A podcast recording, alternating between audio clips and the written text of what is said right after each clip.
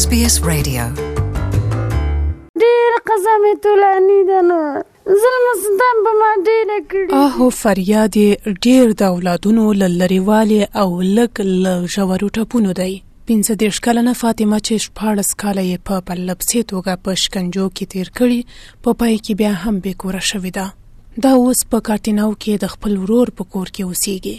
فاطمه د مېړه له خوا د ځان د شکنجو په اړه وايي. مرضیت لا تو کوب کر ګبر خانه بیادره فیض صاحب یار گفتم بول. زه یې ډېره ووهلم او ویې ویل لاړه شه او د ورور له کوره دې پیسې راوړه. ویل مې سبا ته ځم. ټوله شپه یې تر سهاره ووهلم. د ګاونډي کور ته لاړم. له هغه ځایه یې هم وایستم او له پښو یې وځړولم. له سر او مخ نه مې وینې بهېدې. او څو ځلې مې ضعف وکړ. د فاطمې پر بدن ژور ټپونه لیدل کېږي. دا د ټپونو له لاسه نه شي کولی چې سترګې وغړوي. فاطمه ادعا کوي چې مېړه یې تل اړ ایستله چې د پیسو په خاطر غیر اخلاقي کارونه وکړي.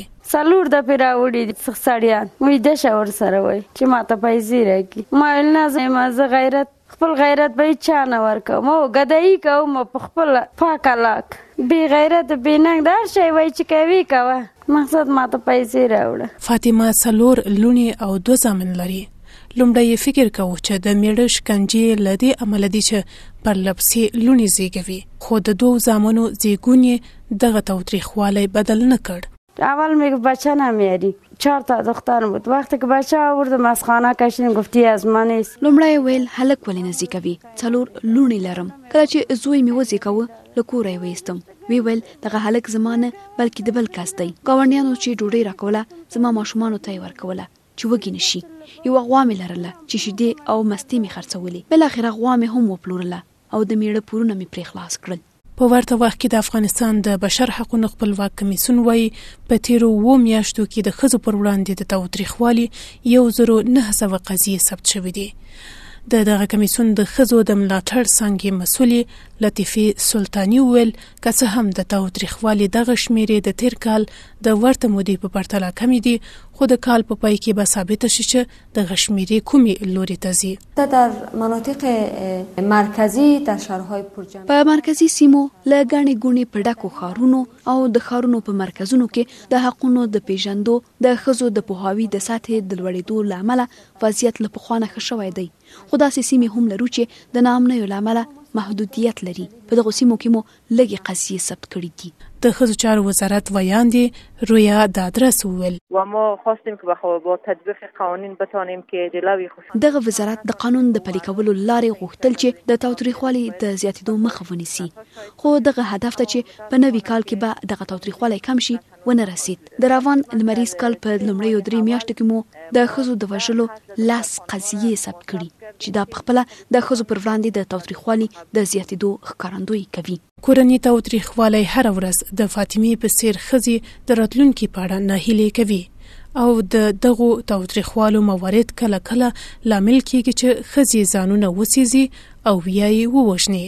د دې ترڅنګ د افغانستان د ښځو چارو وزارت وايي، د روان لمریز کال په لومړیو دوو میاشتو کې د تېر کال د همدې مودې په پرتله د ښځو پر وړاندې د تاوتریخوالي پېښې زیاتې شوې دي. دا وزارت زیاتوي، د روان کال د حمل له لومړۍ نېټې د جوزا تر پنځمې د ټول هېواد په کچه له دوی سره د ښځو پر وړاندې د تاوتریخوالي پنځلس قضیې ثبت شوې دي.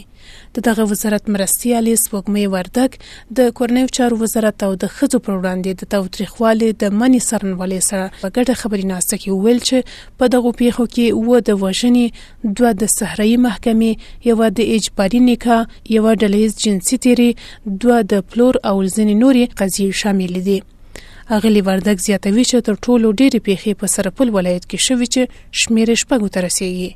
دا په داسې حال کې ده چې د ښځو پر وړاندې د تاوتریخوالي د منې څارنوالي مرستیاله سینا منصور وایي چې تېر کال دغه څارنوالۍ د تاوتریخوالي د ښځو دوه زره اووه سوه یو قضیو ته رسېدنه کړې.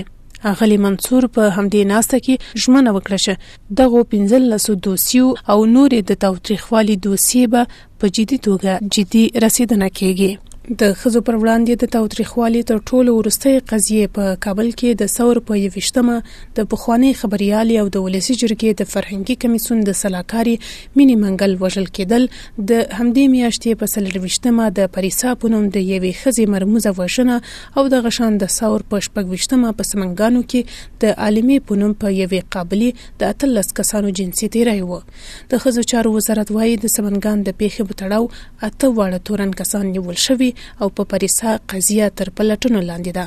همدارنګه د مینې منګل د قضیې په تړاو هم یو شمېر کسان نیول شوي.